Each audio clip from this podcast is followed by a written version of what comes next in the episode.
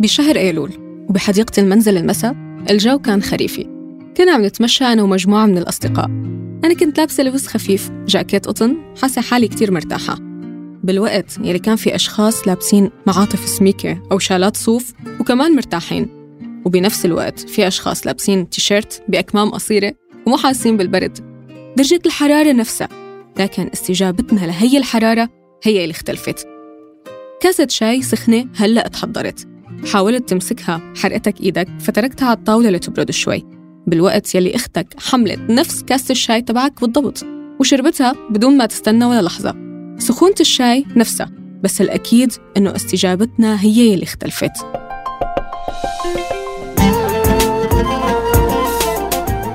تنوين بلسان عربي.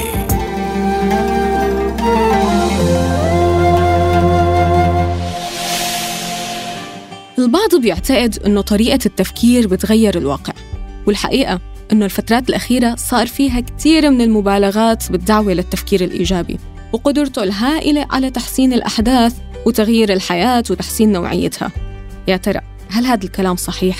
هل التفكير الإيجابي ممكن يحمل هي القدرات الخارقة لما هو مجرد طريقة تفكير ممكن تحسن من نوعية استجابتنا وتعاملنا مع الأمور وبما أني بحب الأمثلة رح أحكي لكم عن أكثر مثال بيستخدموه أصحاب الدعوات للتفكير الإيجابي. ونفكر فيه ونناقشه سوا. البلاسيبو. بلاسيبو هو مادة بتبين أو بتظهر للأشخاص إنها دواء حقيقي لكنها بالحقيقة هي خالية من المواد الفعالة تماماً. يعني فينا نقول عنها إنها دواء وهمي عادة يستخدم للاختبارات فبيقسموا المرضى لمجموعتين.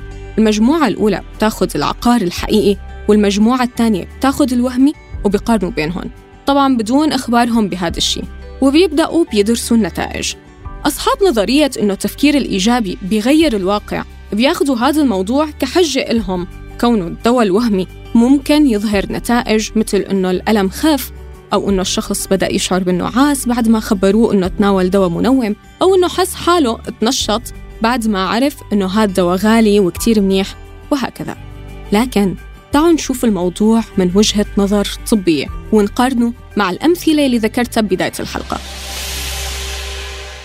التصور العقلي بيساهم بتغير استجابتنا للأمور وحتى استجابة أجسامنا. فمثلاً لما تصورك العقلي عن شخص معين إنه هو شخص رائع ولطيف وكريم باللا شعور لما بيتصرف بطريقة بتزعجك ممكن إنك تلتمس له أعذار. لكن لو نفس التصرف ظهر على شخص تصورك العقلي اتجاهه إنه هو مخادع فاستجابتك أكيد حتكون مختلفة.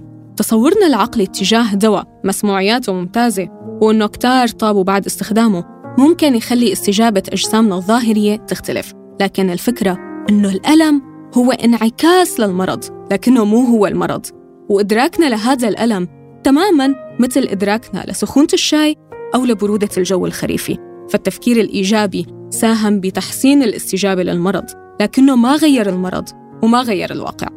الشخص المريض لما بيفكر بشكل إيجابي تجاه مرضه فممكن تصير قدرته على تحمل الألم أكثر وممكن يصير عنده دافع ليلتزم بالدواء بشكل أكبر بعكس الشخص السلبي أو المتشائم يلي حيحس حاله يأس ويكبر وهم المرض على حاله وكل ماله يتعب ويحس بالوهن أكثر يعني بالحالتين واقع المرض نفسه ما تغير.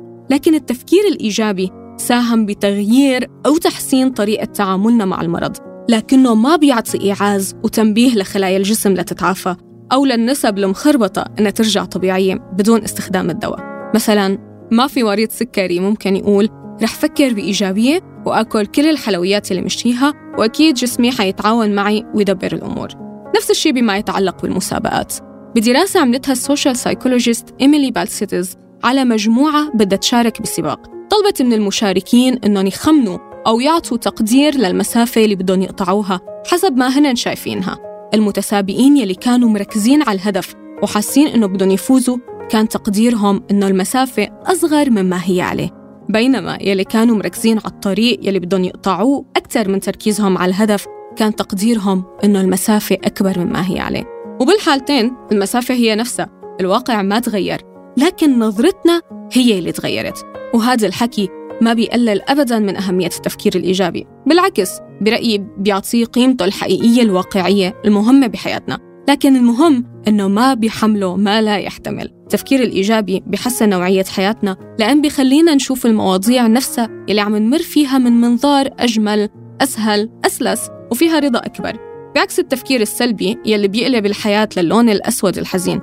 وبالنهاية كل ما كان الإنسان واعي أكثر وعنده قدرة يفكر بشكل واقعي وموزون بيعطي الأحداث حقها من الإيجابيات والسلبيات كل ما كانت نوعية حياته أفضل وأنجح وأجمل. حلقتنا لليوم خلصت على منصة تنوين بودكاست. بتمنى تكون عجبتكم وما تنسوا تقيموا الحلقات على منصات البودكاست المختلفة. وبشوفكم بالحلقات الجاية على خير. سلام.